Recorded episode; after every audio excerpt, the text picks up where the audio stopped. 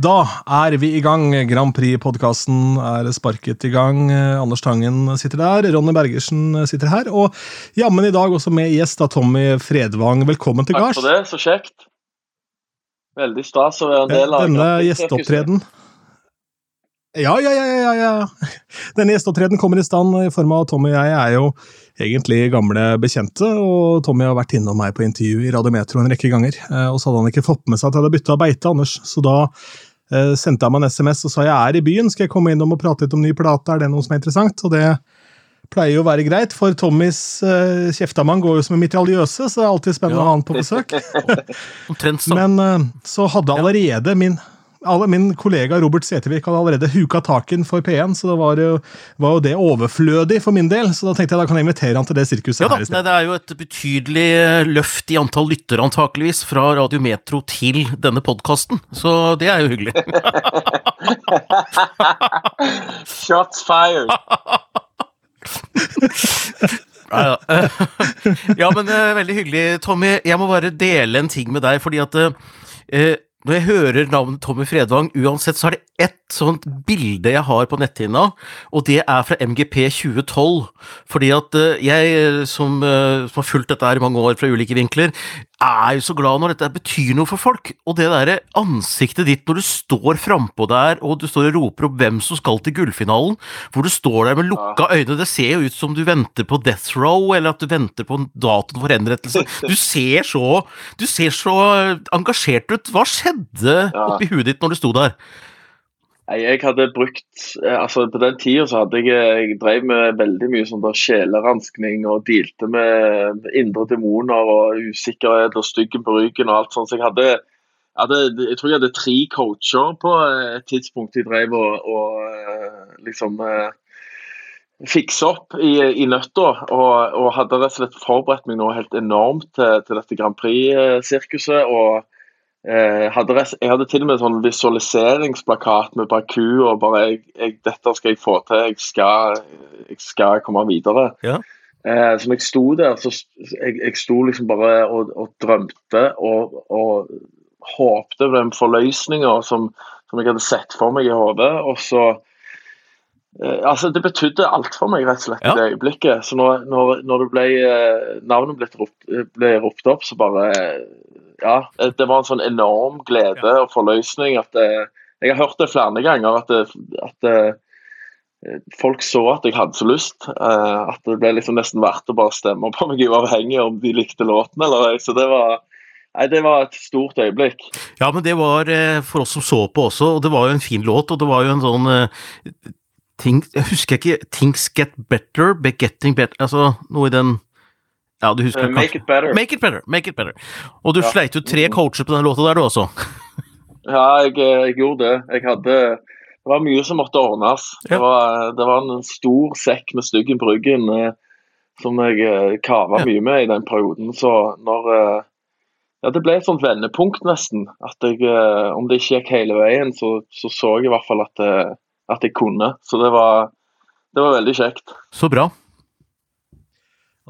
Altså Bakgrunnen for den, eh, den, situasjonen du endte opp i der, var det på en måte at det var vanskelig å finne seg sjøl i miksen av å bli en sånn ja, I mangel av et bedre ord, da, altså en sånn cute boy som var med da og kunne synge pent i X-Faktor og den type ting, og så var det vanskelig å finne da din knagg, eller hva var liksom greia? Jeg, jeg, hvorfor, hvorfor jeg drog med meg mye fra X-Faktor, fordi jeg eh, Jeg skal ikke gå inn i alt som skjedde i kulissen og sånne ting, men jeg eh, jeg, eh, jeg, gjorde min egen låt. Jeg gikk jo inn i X-Faktor med kjempeselvtillit. Og jeg hadde sånn rota meg vekk i en platekontrakt i, i, London der jeg uh, måtte ta opp lån på 100 000 for å kjøpe meg ut og miste alle låtene mine, alle skissene og alt. Altså, jeg var helt nede når jeg stilte meg i kø på X-Factor. og så plutselig så ja, gikk jeg jo videre og fikk liksom kjempehype og var liksom en av favorittene lenge. og skulle jeg gjøre min egen låt, og så skjedde det et eller annet i kulissene som gjorde at jeg bare mista totalt selvtillit. Altså Når jeg ser den opptredenen, så ser jeg jeg ser i øynene mine at jeg er, jeg er helt, helt, vekke. Jeg er en helt annen plass. og sånn Ute av meg sjøl-opplevelse og bare sitter i salen og egentlig dømmer meg sjøl. Eh, så liksom alt etterpå ble på en måte en sånn fight for å prøve å komme tilbake igjen og finne tilbake til den tryggheten og han som trodde på det han holdt på med. Så, så ja, det var en reise som egentlig har holdt, så jeg har kava meg egentlig fram til de til ja, når Stavanger-kameratene løsna, egentlig. Så det har vært eh, det har vært en reise på godt og vondt, men mye av de vanskelige, vonde tingene har jo ser jo den dag i dag at det, du var glad det skjedde, fordi det, det bygde karakter og det bygde en stayerevne og en, en vilje. Så, så, det er sånn som jeg har lært i ettertid, at mot, motstand er bra, liksom. Det, men det er vondt når du står i det. Og det 2012-sirkuset var jo, når man først skal gjøre MGP, det var jo ikke det letteste, liksom Det, det var jo så sirkus, da, ikke sant, med eh, ja, ja. Tutuji opp mot eh, mot Plumbo, som hadde helt eh, Plumbo, ja. Som fikk øl i trynet av han Av, av gitaristen i Kaizers. Ja. Og der står Tommy Fredvang med tre coacher innabords og skal liksom Og skal finne seg sjæl. Det er klart at det er ganske krevende. Ja, det var det var mye å hamle opp med akkurat de greiene der. Men uh, det ble en uh, lykkelig slutt. og jeg, jeg, gikk vel ut av det og var liksom fornøyd med egen innsats. Og, og ja, det var en veldig fin reise. Søkte du om å delta, eller så sendte du inn en låt, eller ble du approacha? Jeg husker ikke helt hvordan Det var. Jeg skrev jo denne låten sammen med en Tommy Berre og Hanne Sørvåg. Eh, så var det vel at vi, vi satt og bare tenkte at det hørtes ut som en Grand Prix-låt, og sendte den inn. og så og så kicka de på han, og så plutselig så var vi inne. Så, så, ja, det er veldig kjekt. Nå har jeg jo fått gjort Grand Prix en gang til senere sammen med, sammen med kameratene. Så der, eh, jeg har eh, jeg sier ikke jeg har mastergrad ennå, men jeg har i hvert fall, eh, jeg har fall kanskje en, en, en mild bachelor. Mild bachelor er bra, det, men du har aldri fått det derre kjipe brevet eller mailen fra Stig Karlsen hvor det står sånn 'Tusen takk for at du sendte inn bidrag til MGP, prøv igjen neste år' og sånn. Du har ikke fått det brevet? Ja. Har du det? Du har fått med Nei, jeg har ikke det. Nei. Jeg skulle egentlig være med her for ei stund Jeg husker ikke hvor mange år siden det, det, det skulle egentlig være med igjen. Oh. Uh, og så bare kjente jeg at uh, rett før at det bare Nå føles det feil. Og jeg hadde en sånn rar magefølelse, jeg trakk meg. Uh, det var den låten som Gjermund gjorde. Oh, ja. jeg husker ikke helt hva den heter. Så den var det egentlig jeg som skulle gjøre. Men jeg, jeg, jeg har lært meg gjennom åra, iallfall i forhold til den platekontrakten i i London at hvis det er et eller annet som er feil i magefølelsen, så, så bør en ikke gjøre det. Så, så jeg bestemte meg for at jeg ikke kunne gå videre. Og nå skal det jo sies at Geirmund gjorde jo en uh, veldig god jobb med den låta hans også, da. Uh, heter... Ja, ja, fantastisk. Når jeg så den opptredenen, så tenkte jeg at uh, jeg er glad det ble han, for den kledde han veldig bra. Den het Come Alive, forresten. Mm. Come Alive heter den, ja. Mm. Men du var jo med med Stavanger-kameratene Barndomsgater, og den sangen den rusler og går på NRK P1 en dag i dag. Ja. Jeg spilte den senest i nattradioen her for et par dager. Ja, det er også en fin opplevelse. Det er en veldig fin låt. Jeg, der satt jeg Men, eh, men eh, ta, spol, spol, litt tilbake, Tommy. bare sånn, Ta oss igjennom den Stavanger-kameratene-prosessen. Ja. For det begynner å bli mange år siden dette her ble stabla på beina. altså Hvordan endte disse fire karene fra Stavanger opp med å lage det som vel kan kalles en supergruppe? rett og slett? Det var vel egentlig ikke noen som prøvde noen ting som helst. Det var, ikke om du kan bruke ordet 'skrevet i stjernene', men jeg satt på et tidspunkt jeg eh, altså Jeg skal ikke gå gjennom hele den historien, men jeg hadde kjøpt et hus i Stavanger som plutselig hadde fått uh, vannskader for 1,4 millioner. og Endte opp i rettssystemet og tapte vel uh, en halv million av alle pengene som jeg hadde spart opp på leilighetskjøp og, salg i Oslo etter 13 år i Oslo. og leide et hus, og jeg, satt på trappa med mor mi og hadde ingenting gående. og bare, Jeg lurer på om jeg har holdt meg selv for nær at jeg kommer til å få dette til. At jeg kommer ikke til å få noen karriere. Jeg har gått og drømt her, og det, jeg kommer ikke til å få den forløsningen jeg, jeg eh, har drømt om. Og så eh, Plutselig så kom Stjernekamp, så ramla jeg plutselig inn i det. og Så ble jeg hevet inn i et ABBA-show sammen med Inger-Lise Rypdal med 170 eh, konserter i løpet av fire år. og så og så var det noen her i Stavanger som drev et eventbyrå som bare hadde lyst til å sette oss fire sammen for å spille på åpningen på, på volleyball, som pleier å være i Stavanger. Eller, ja. Og så eh, Ja, vi ble liksom Visste ikke helt hvordan vi skulle gjøre det. og eh, det begynte med at vi fikk et tilbud på hyre som var ganske OK, men jeg, jeg var litt uh, kjip, så jeg krangla og sa at vi, vi skal ha dobbelt så mye. Uh, og De tre tre andre, fikk jo panikk, men jeg hadde sånn følelse av shit, her er det to Idol-vinnere. Ola har vært på The Voice og LML. og jeg har gjort mine ting, og dette kommer til å bli mye jobb. og Skal vi gjøre det, skal vi gjøre det skikkelig. Så Eh, så sa de plutselig ja til den uh, hyra, og, og, da fikk vi litt sånn shit, nå må vi faktisk gjøre det skikkelig. Uh, da hadde jeg det huset jeg hadde leid, så vi begynte å møtes ofte og bare øve og øve. Og så kjente jeg veldig på det at jeg har ikke lyst til å bare bli nok en sånn der gruppe som bare spiller coverlåter. Kan vi ikke prøve å gjøre et eller annet annerledes? Så eh, jeg foreslo om vi kunne oversette en del hits til stavangersk. Så vi begynte med litt Bob Marley, og så gjorde vi Kent sin eh, 'Kjærligheten venter'. Det var jo en lett oversettelse. Og så satt jeg en dag og så bare Kan jeg ikke bare ta tak i den vekk, 'Wake Me Up' av Vici? Så satt jeg ute på Plantasjen ute på, på Kvadrat med Sandnes, og så bare kom teksten bare veldig kjapt. Og så eh, Så når vi spilte den konserten, da, så merket vi at den fikk vi ganske god respons på. Bestemte oss for å gå i studio. Eh, og mens det foregikk, så bare begynte jeg å, å søke. Det var jo fire-fem låtskrivere.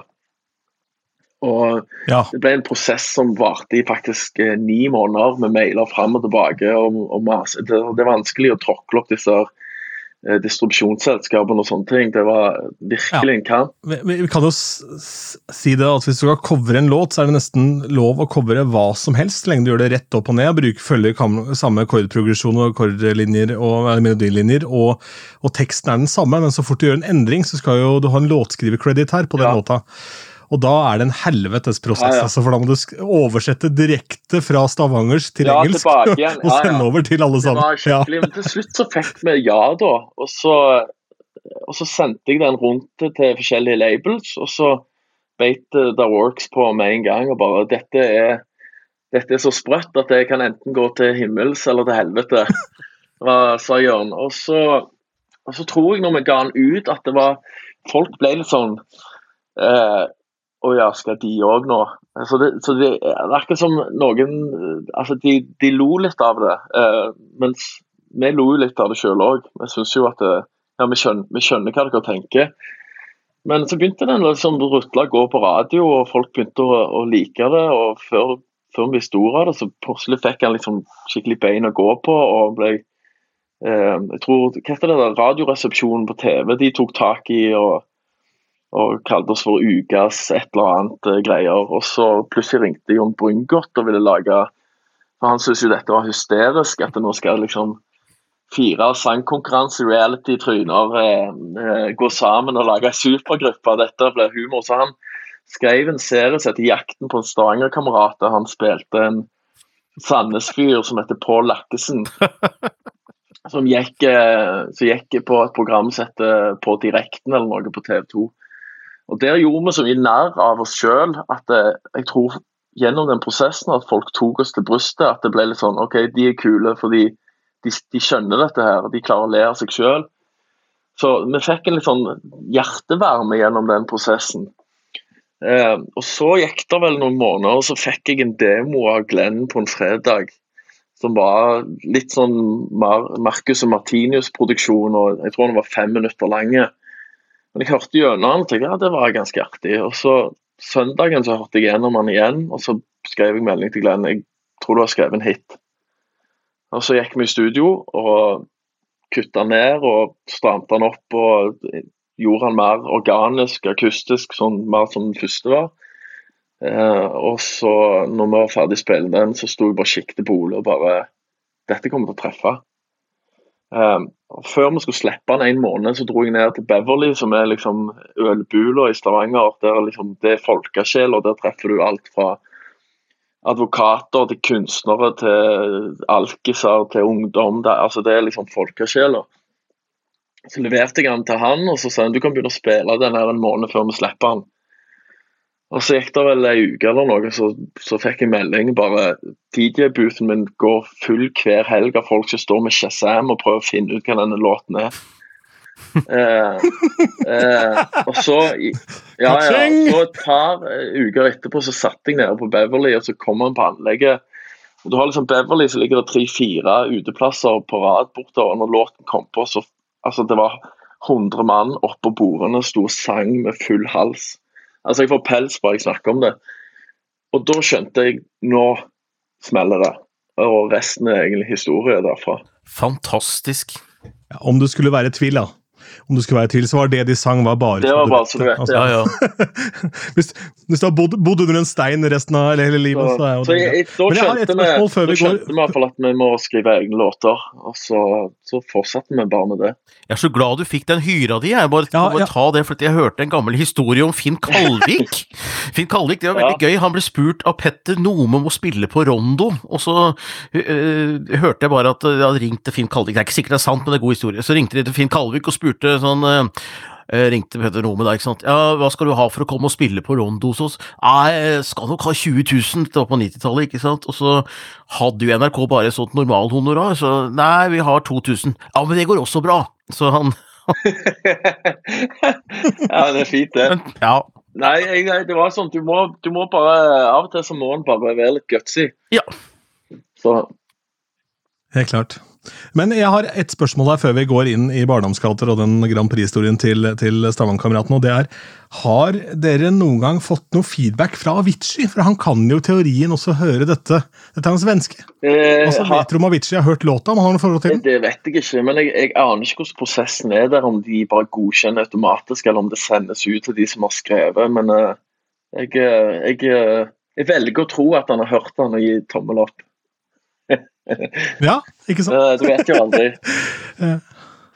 Nei, nei, nei, for jeg var inne og kikka nå sånn kjapt her. Jeg så Han var jo en av låtskriverne sammen med Allo Black som synger, og så var det et par andre karer der. Men det er i hvert fall en svenske som har vært med og skrevet den, som da også kunne ha glede av versjonen ja, på Siddis, hvis han klarer å skjønne noe av det. For så vidt.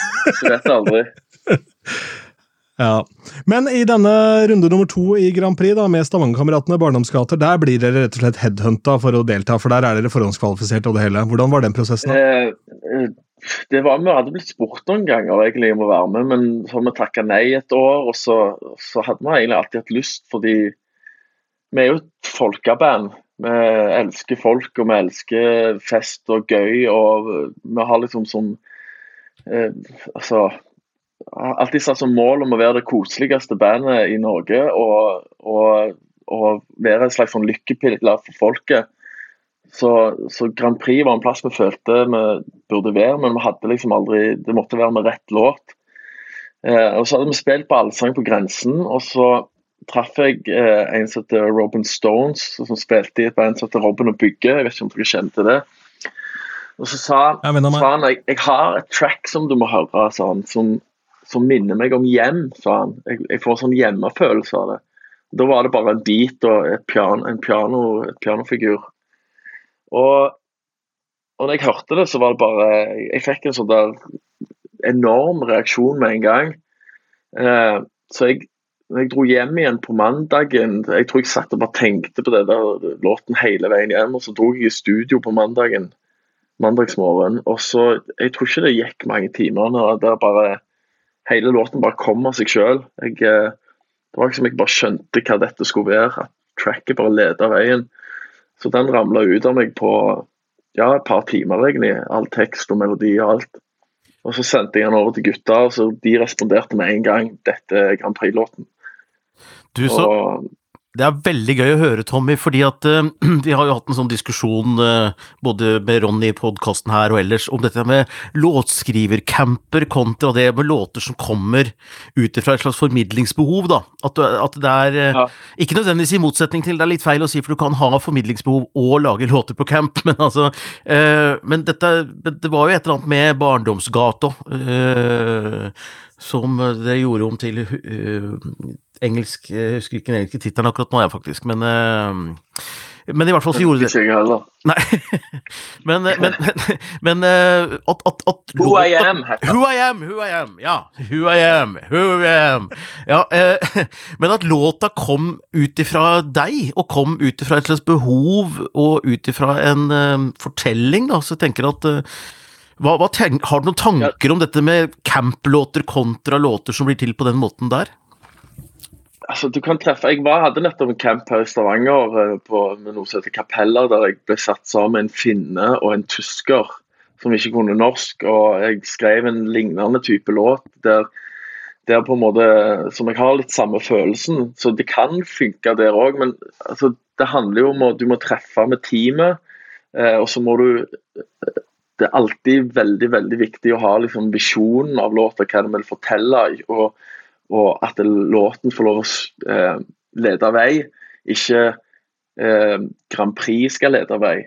Eh, så Det tror jeg ofte er det viktigste. men mens her ble det sånn, Jeg hadde, tenkte jo ikke på Grand Prix, jeg ble bare inspirert av tracket. Og, og, og det ble liksom litt av min livshistorie i låten. altså hva, Det vi snakket om tidligere, hva jeg har gått igjennom. altså Sett at drømmene mine flyr og alle de der tingene. Og, og så ble jeg òg tenkende på oss fire, som på en måte har vært litt sånn eh, si, Revenge of the Nerds. altså Litt sånn underdøggene som, som var blitt avskrevet av TV-konkurransefolk. Og, og, som har stått i det og fighta og allikevel fikk en ny sjanse. og så, så det var liksom bare alle, alle brikkene falt på mm. plass i, i, skriveprosessen. og Det var en sånn veldig lett låt å skrive. og var gjerne ikke en typisk Grand Prix-låt, men, men eh, en sånn låt som jeg er veldig stolt av, og som har et sånn fint budskap som jeg tror mange likte, selv om man ikke vant. Nei, men det, det, Jeg er helt enig, og jeg syns jo ofte at uh, de beste låtene er ikke typisk Grand Prix-låter, og det er egentlig en slags myte og en misforståelse som er blant de som skal plukke låter til Grand Prix, at det skal være det ofte, men det, det, lag den musikken du liker. Det er det også som funker i Grand Prix, og det funka som ei kule. Der, og så kan man mene hva man vil om at dere gjorde den på engelsk i finalen, det gjorde jo Tix også med låta si, så det, men, men i hvert fall så Jeg mener vi ikke burde gjort det. Ja. Jeg, eh, jeg syns ikke vi skulle gjort det, men uh, nå ble det sånn. Folk ja. tenkte internasjonalt fall, folk må forstå en eller andre men jeg fikk ganske mye mails fra og jeg så på masse kommentarer på YouTube at folk, til folk som ikke skjønte bæret, var bare Ja, men vi følte noe med den første. Mm, ja. Eh, mens den andre så følte de ikke det, det samme. Og det, det, forstår jeg, fordi når du snakker på ditt eget språk og, og, formidling, eller gjerne det som betyr mest for meg av, av alt, så eh, det, Ja, det, når du ikke snakker engelsk, så er det vanskelig å mm. formidle ja. på samme måte. Men det er jo vanskelig da å stille i konkurranse og tenke at man skal komme i den internasjonale finalen når du har en konkurrent som heter Tix, som er i duell mot Keiino. Det er jo et uh, startfelt, ja, et marerittstartfelt. ja, ja, det var, det var, det var jeg, jeg, hadde en ganske sterk følelse om hvem som kom til å vinne, og det viste seg å være rett. og det Altså, det som skjedde med Tix og på en måte hans låt og hele historien der, det var nesten større enn Grand Prix. Det rørte med så mange som hadde følt seg som den stygge andungen. og det var, det var liksom Det ble litt større enn Grand Prix, og det syns jeg var fint. Uh, så jeg, jeg, er veldig glad for at han vant. Så, mm. Men jeg er ja, glad for at vi fikk vært med, og jeg syns vi gjorde en, gjorde en uh, OK profil. Det gjorde dere, og dere fikk en hit på radio og på listene. Veldig. Så gratulerer ja, med det. Ja, altså. Jeg gikk nettopp til gull, så det er veldig veldig stas. Fantastisk. Det, det, ble en fin, eh, det ble en fin reise. Ja. Vi kan jo si det til lytterne våre som ikke ser også videoen her. Da. Vi ser jo hverandre på video, så sitter han foran skryteveggen, altså Tommy Fredvang. Det er hvor mange gullplater og platina, altså hvor mye jåleri har du bak der? Altså. Nei, det er blitt en del nå. 1, 2, 3, 4, 5, 6, 7, 8, 9, 10, 11. Så står det en del ute på gangen, og så kommer det tre-fire nye. Så det, det, har vært helt Ja, det hørtes veldig klysete ut, men eh, det er jo Jeg kan si, det er jo litt jeg syns jo det er veldig stas, fordi det blir liksom Hvis du går Vasaløpet og kommer i mål, og så får du en Kvikk Lunsj det, det, er et eller annet med å få en sånn uh, gullmedalje eller en betegnelse mm. på at det har fungert. Så jeg må si at... Så, nå må jeg bare koble til litt mer strøm her. Nå ser jeg mobilen begynner å bade. Jeg må jo si, Ronny, at eh, hvis bakgrunnsbildene skal si noe om oss, så sitter du altså med det som kan se ut som en masse DVD-er, og Tommy sitter her med gull og sølvplater og masse premier, og jeg sitter her med 2000 blanke ark. Eh, det er det som står borti hjørnet der, det er 400-500 packs med blanke ark, så jeg må begynne å produsere noen ting. det er fint, det. Det er bare å begynne å skape. Ja, det er da ja, det er Anders skaper som faen, men han får også en hel haug med e-poster fra, fra Fra Øystein Karlsen, Nei, ikke Øystein Karlsen, men Stig Karlsen rundt den tida her. Fått avslagsbrev i år igjen, ja. Det er fint, det. Det har aldri slutta. Nei, nei, nei, aldri. Det er gøy. Men hvilket forhold har du til Melodi Grand Prix og Eurovision og sånn, eh, som eh, ikke nødvendigvis som musiker, men som TV-seer og, og sånn? Altså, du, er det noe du følger med på? Eh, Mindre nå enn før. Jeg er jo alltid innom, fordi altså, dette er jo noe som som sagt, på samme måte som Beverly, det tilhører folkesjela. Jeg, jeg husker i de gatene fra Musikkbyen til Baderomsgata, det er ute på eh, det gode Godesett på Forus. der det, vi, det var sånn selvbyggernabolag når jeg vokste opp. Det var liksom eh, ja, foreldre som bygde sitt første hus sammen. Alle på en måte hjalp hverandre. og, og så var det veldig sånn sammensveisa nabolag. og hver, eh, hver altså, nyttår og sommerfest, sankthans og Grand Prix sånn, så samles vi på fotballbanen. og eh, hadde telter og bål og satt og hørte på, eh, på, Grand Prix på radio. og satt og skrev ned poengsummer og det ene og det andre. var skikkelig, skikkelig engasjerte. og Vi hadde vel vår egen eh, slags eh, MGP der òg en gang, der vi kjørte inn en trailer. og og hadde scene. Der sto jeg og sang for første gang for publikum, og sang eh, 'Optimist' av Jahn Teigen. Jeg, var så nervøs at eh, jeg var helt grønn i trynet. Altså, det var ingenting optimistisk med hele den framføringa i det hele tatt. Men, men, jeg har liksom hatt det med meg uh, hele veien, og, og jeg syns jo det er veldig kjekt. Altså, det er jo det er jo en folkefest, og, og folk elsker det og hater det. og. Men den, ja, siden, et enormt engasjement. Men siden, ja, enormt engasjement, ja, der sa du det. Og siden du nevner at du har stått på et lasteplan i Stavanger og sunget 'Optimist', at du turte. Fordi at eh, finalen 1989, da jobba jeg i NRK og skulle dekke det, og det derre opp opprøret og revolusjonen i salen der da Teigen ikke gikk videre fordi at uh, blant annet den lokale juryen fra Stavanger stemte fram Britt Synnøve Johansen. Det opprøret der, da holdt Norge på å revne, altså. Det. er ikke det fint? Da? Jo, det er veldig fint. Og det er, og det, er det engasjementet. Og det blir TV-øyeblikk, ikke sant? Altså hvor, hvor Øystein Bakke står og roper Ja, det er ikke så lett å bringe dette programmet videre når 5000 folk står og roper på den de vil ha opp på scenen her. Men rett, dette er rettferdig, så kan dere heller gå ut og hoie på Jahn Teigen etterpå. Så han kjefta på publikum, og det gjorde det bare enda verre. Ja. ja, det er nydelig. Ja, det er nydelig. Jeg savner jo Jeg, jeg, savner, jeg savner, litt Sunnes, jeg. Ja.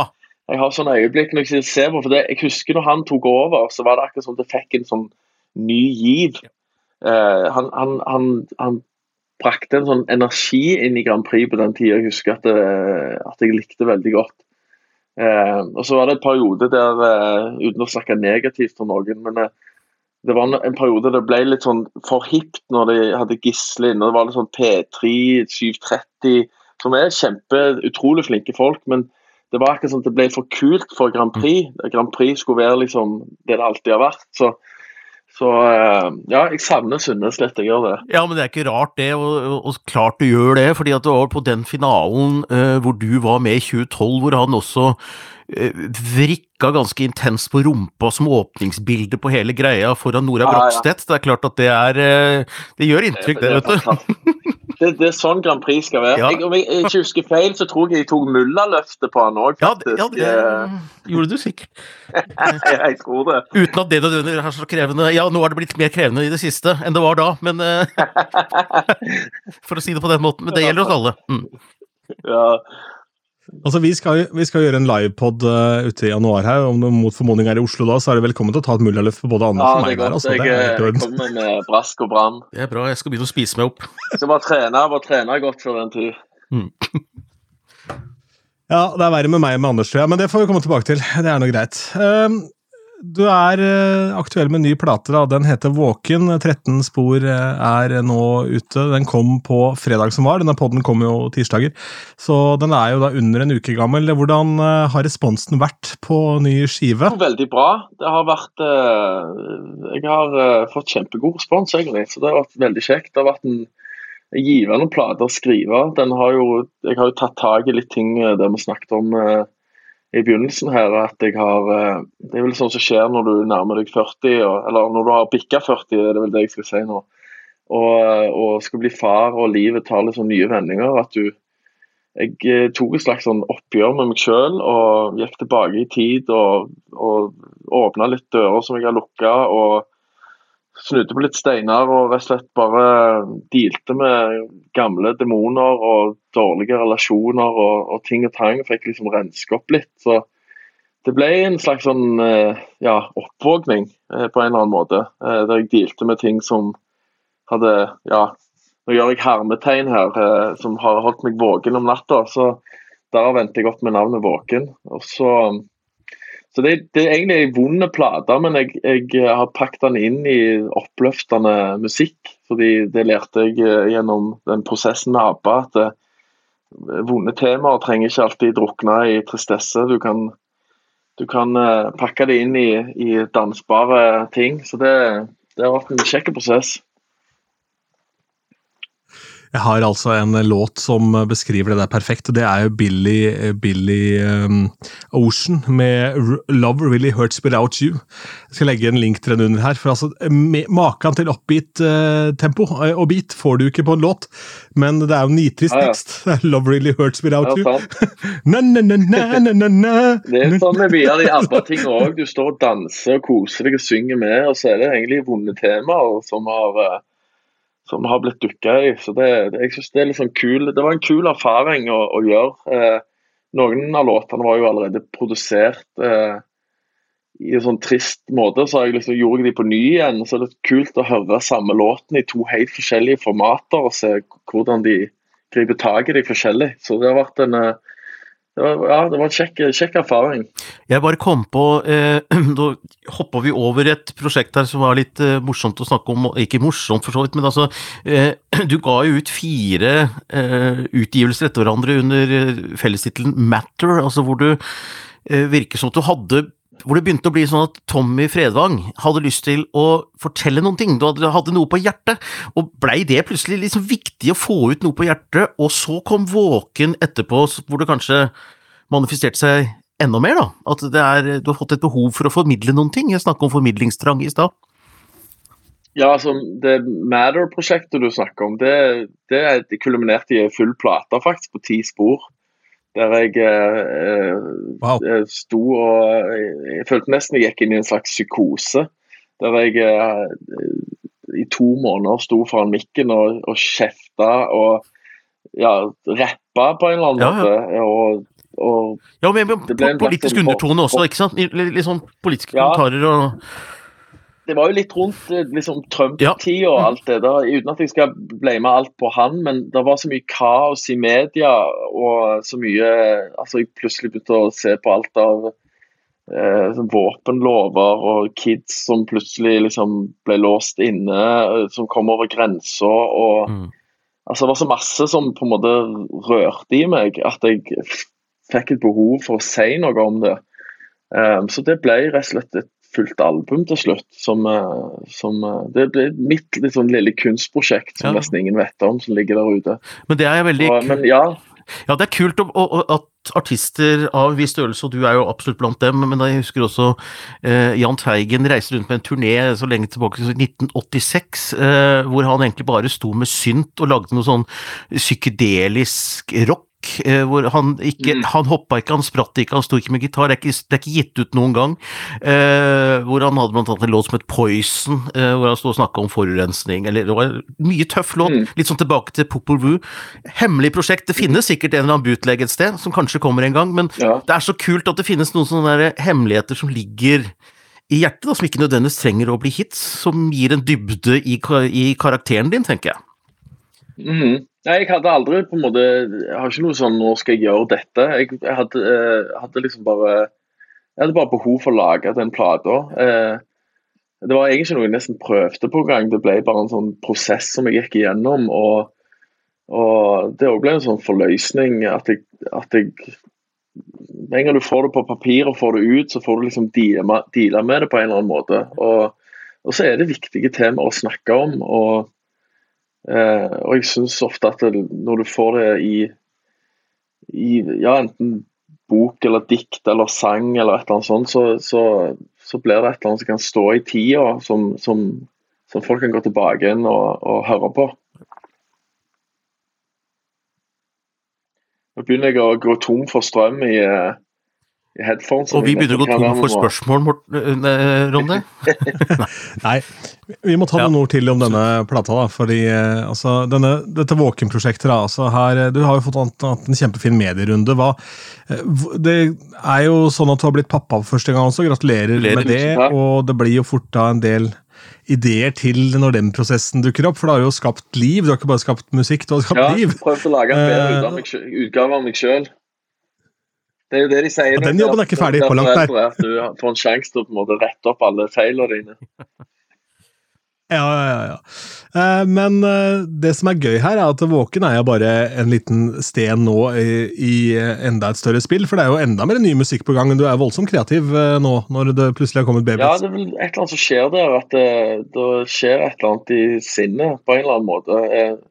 En av de tingene som har skjedd, er jo at musikk plutselig ikke er det viktigste lenger.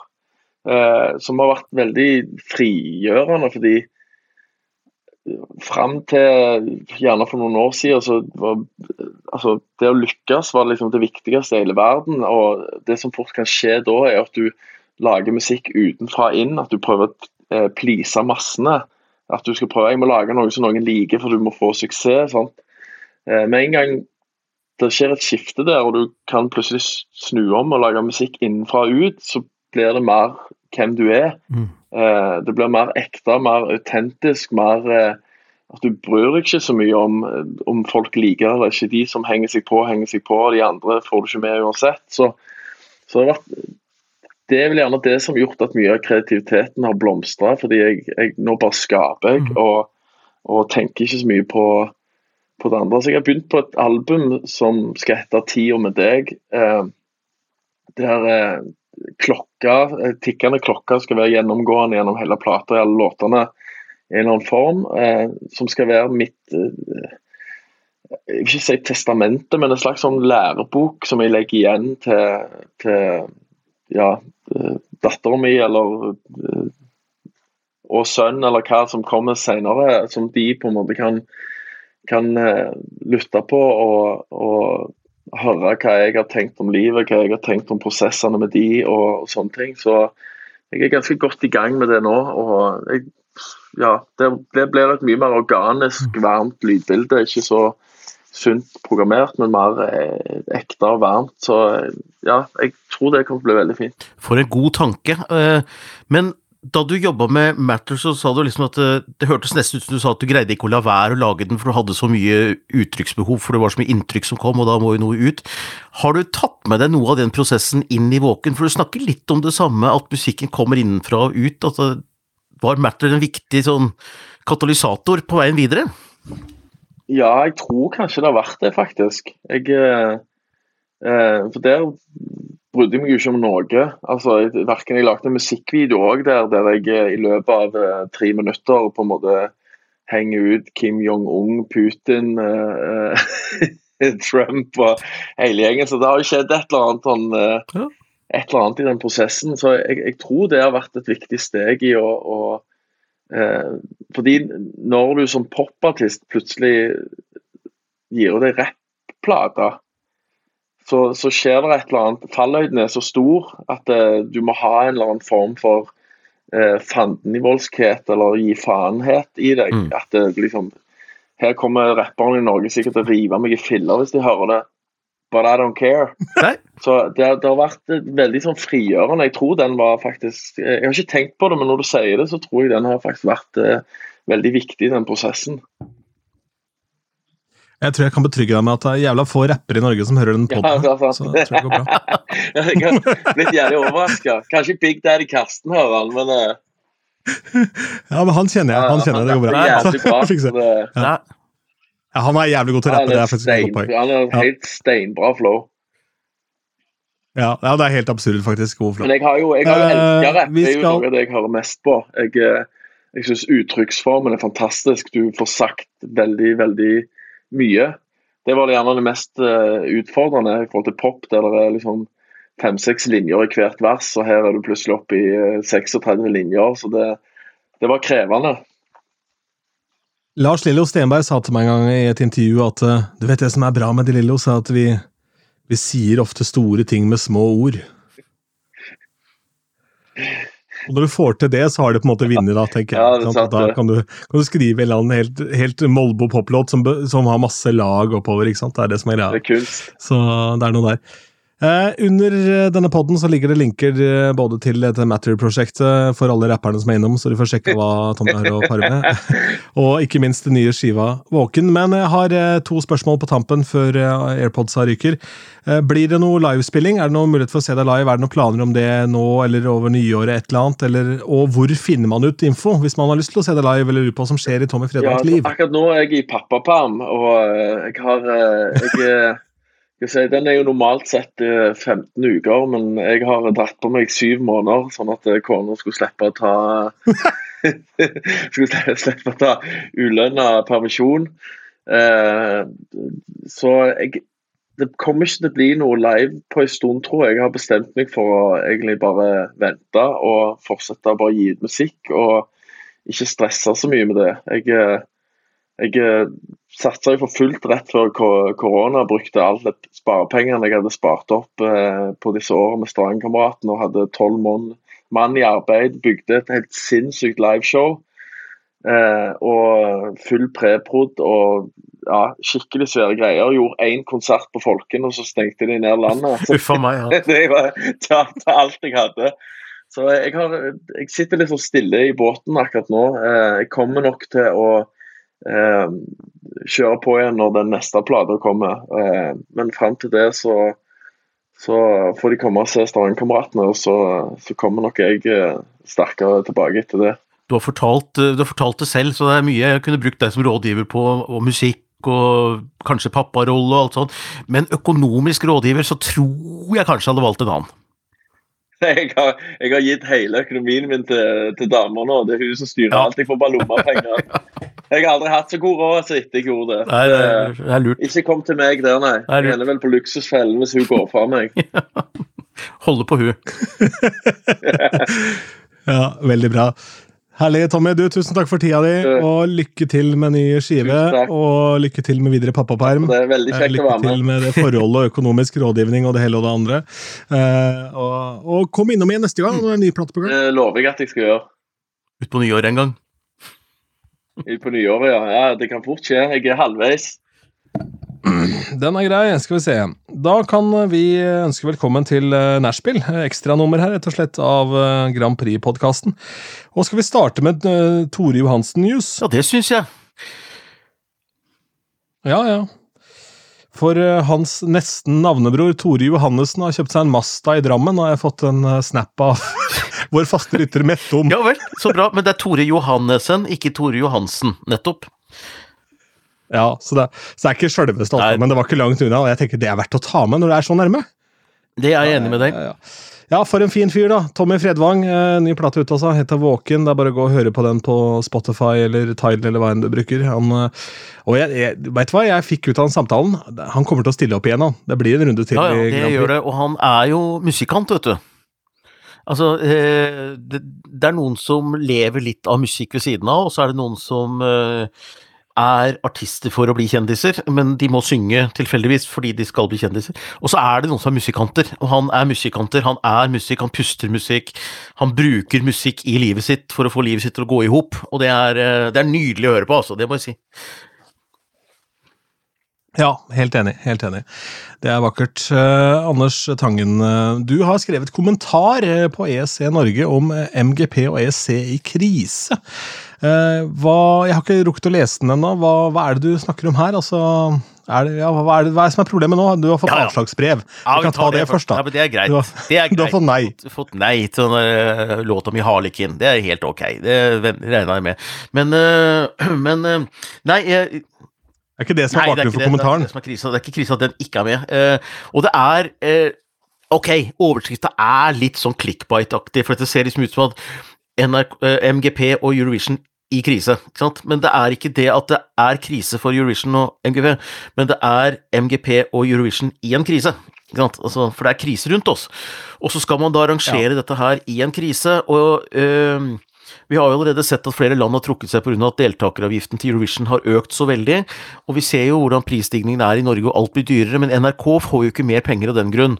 Og det er litt slunken kasse på enkelte produksjoner i NRK for tida. Uh, så eh, jeg regner med at også MGP eh, på et eller annet vis blir litt prega av at det kanskje ikke er i år at vi får de største scenene, de mest spektakulære pyroshowene og de største dansenumrene og de mest påkosta preproduksjonene, og kanskje det også skorter bitte litt på voldsomt kreativt innhold på nettet, for det, det, noen må jo lage dette her. Så jeg tror vi opplever noe barberhøvelgreier, men jeg tror det blir bra for det, fordi det som er i kommentaren min, er at veldig ofte blir det sånn at når du må kutte ned på noe, så må du finne på noe annet. Og dette du da må finne på, kan bli vel så bra. Altså det, fordi man må være kanskje litt mer kreativ når penga ikke sitter så løst.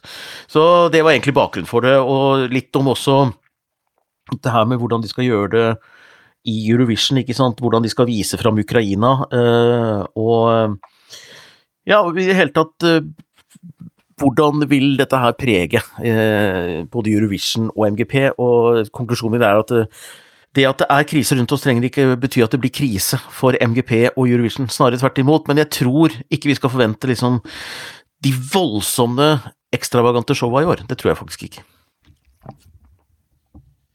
Vi må bare ta to ord også om en eh, fan av eh, dette konseptet, som eh, nå har oppdaget også vår podkast, som heter Eva. Hun er medlem i Bobla, og nå min nye venn på Facebook, for jeg var på spillejobb på på torsdag for Audiografforbundet og på Så ikke autograf, men autograf, ikke autograf.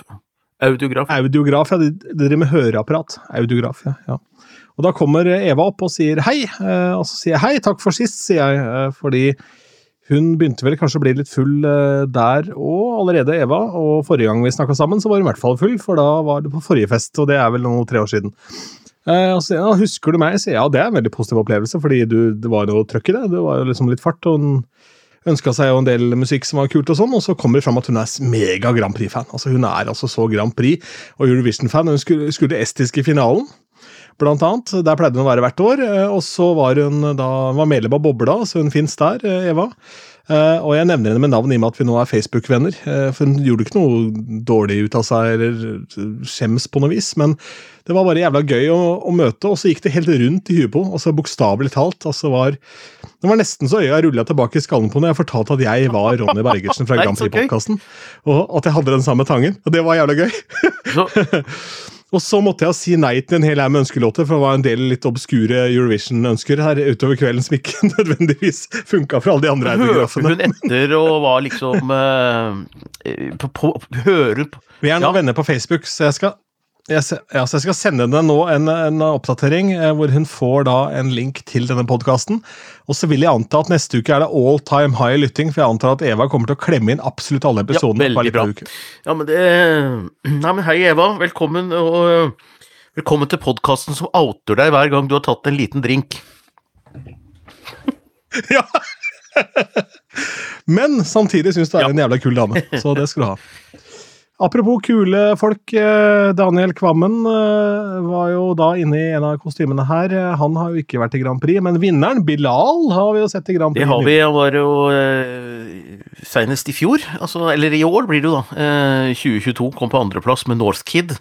Og eh, ja, Om du skulle være i tvil, snakker vi ja, om Maskorama her. Altså. Mm. Og, jeg, og jeg må jo si jeg satt jo sammen med familien min og så på dette her, og lo høyt.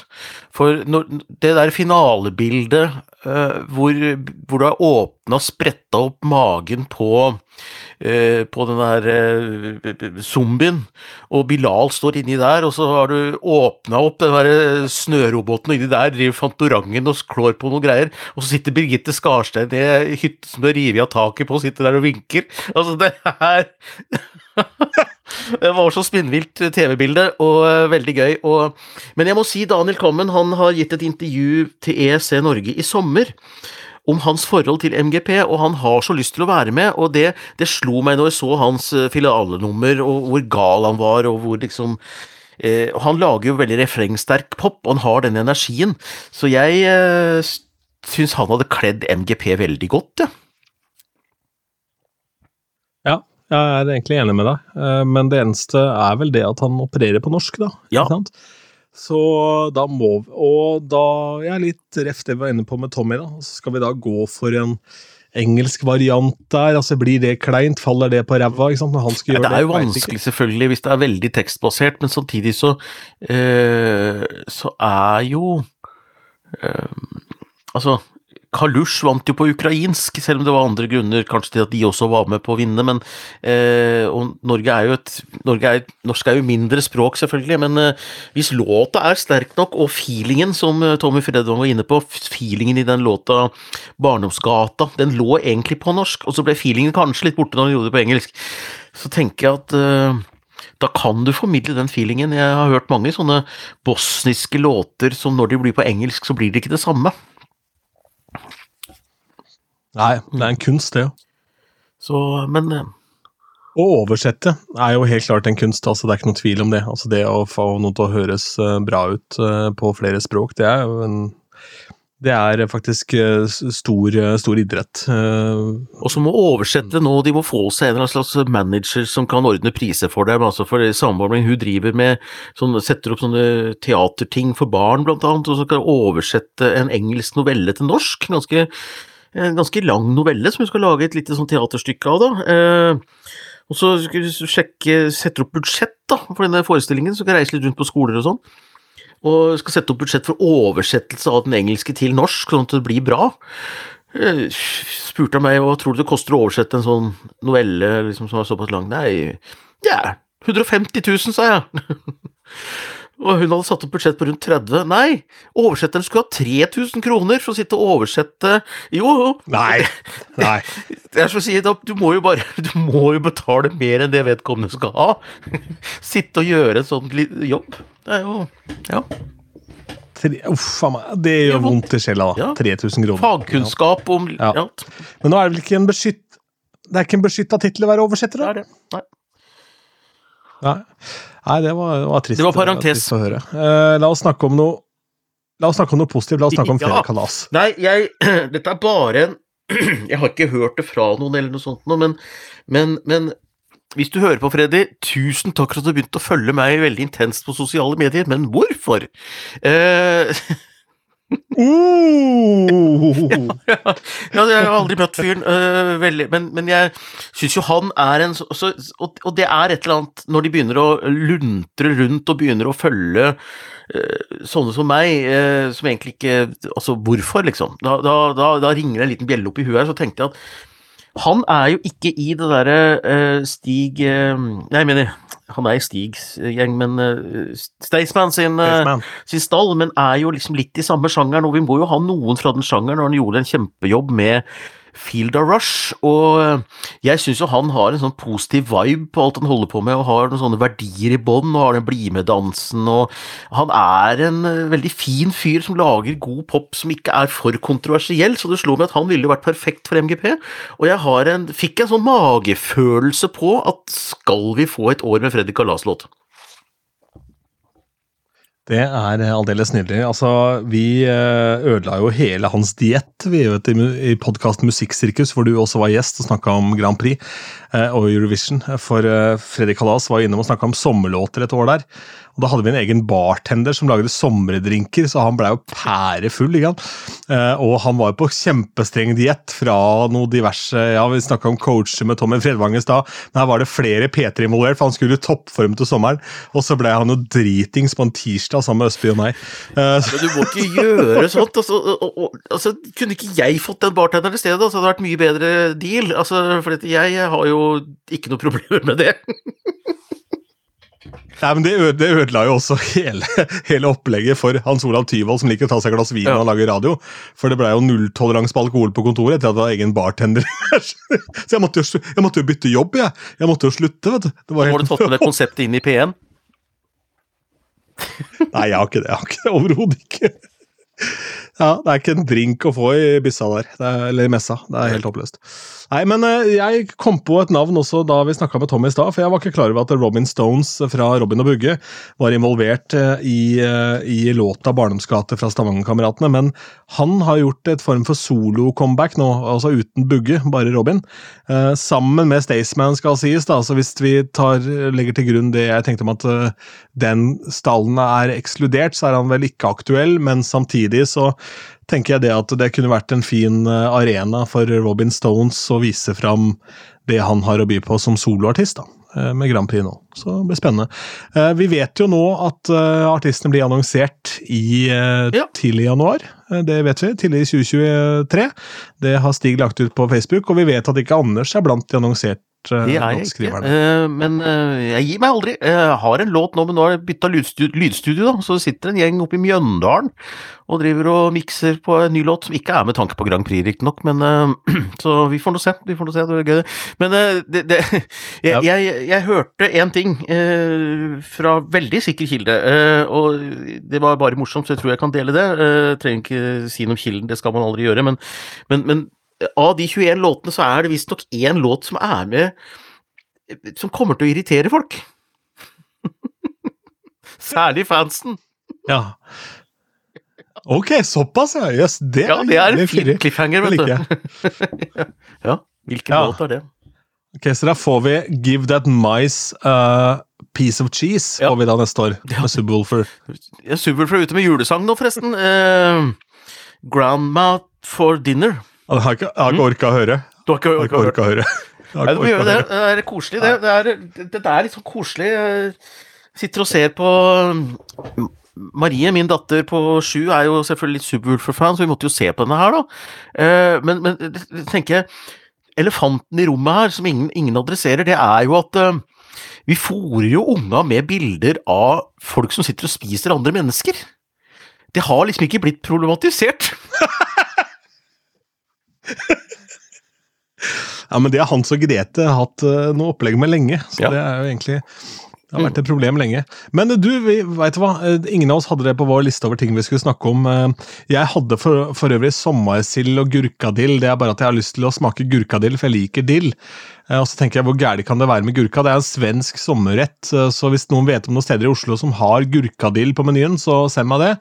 På, på hei at grandprixpod.no. eh, For eh, det var 45 minutter det tok å lage gurkadill, og det gidder ikke jeg å legge ned hjemme hos meg sjøl. Men det jeg så. Men vi må snakke nei, litt om, nei, om nei. eh, festiviteten. Jeg lar det ikke.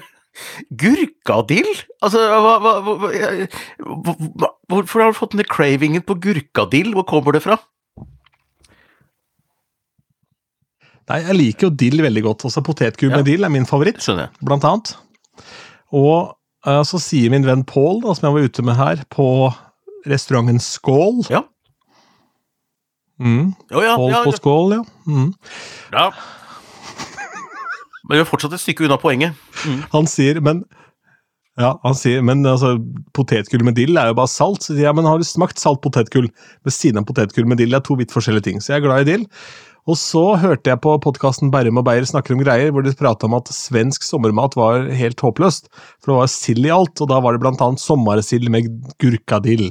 Og det er da altså en agurksalat med tilsatt dill, da, som jeg tenker at det har vært gøy å prøve. Ja, men det er godt. Uh, og fra en liten sånn eh, Magnus Ugla-perspektiv her, uh, med med, med ja, Jeg sa det var lærspill! Uh, fra uh, Ja, ni kanskje undrer hva fredagsdrinken er. Så er det beste greia med uh, gin tonic, det er å droppe limen, og så har du oppi noen skiver med agurk og dill. Det er, blir veldig, veldig godt. Bare prøv. Ja, Det var ikke det som var tanken min, at det skulle bli dritings å spise gurkadill. Men, Det går, det- òg. Spise Ja, seg full på gurkadill. men vi må snakke om Hvorfor gjør det?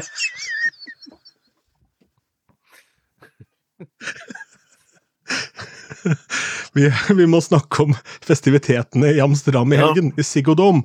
Det var jo Eurovision Ja. Orama. Noe annet enn gurkadillfylla. Eh, nei, det var jo Ja, det, og det, makan, altså. Og jeg skjønner egentlig ikke at man Nå håper jeg håper ikke Tommy hører hele episoden. Nei, men Tore Johansen gjør det. Eh, men nei, men nei, men det var en fantastisk eh, forestilling der borte, og det var jo selvfølgelig veldig mye playback eh, og preproduksjoner og sånt noe, men det må vel til når det er så kjapp regi mellom alle det var jo 100 og 1000 mennesker som skulle ut på den scenen samtidig. Det var jo veldig gøy da Rybak kom inn bare og gjorde ti sekunder sammen med Subwoolfer på uh, Give That Wolf a Banana, og ble hivet ut da han skulle prøve å spille Fairytale. Uh, det var jo veldig gøy. Um,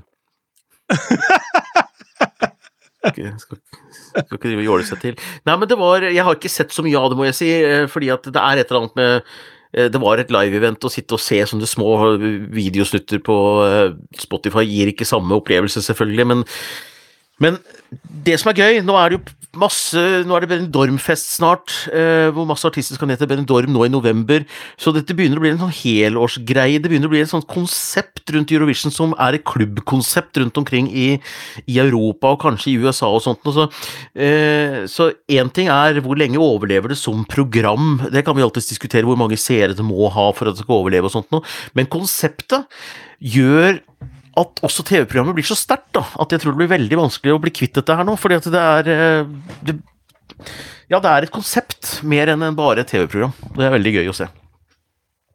Og vi tar all ære for når de ser hva vi holder på med her oppe i nord, og tenker at hvis dere kan sitte to idioter og raffe uke inn og uke ut om Melodi Grand Prix i et år, eh, utenfor sesong så det holder, så må det være mulig for oss å lage et klubbkonsept ut av dette. Så vi tar all ære. Tusen takk eh, for, uh, for det. Eh, og vi er tilbake om en ukes tid, da kanskje uten gjest, kanskje med gjest. Det kommer an på hvem som gir ut skive denne uka.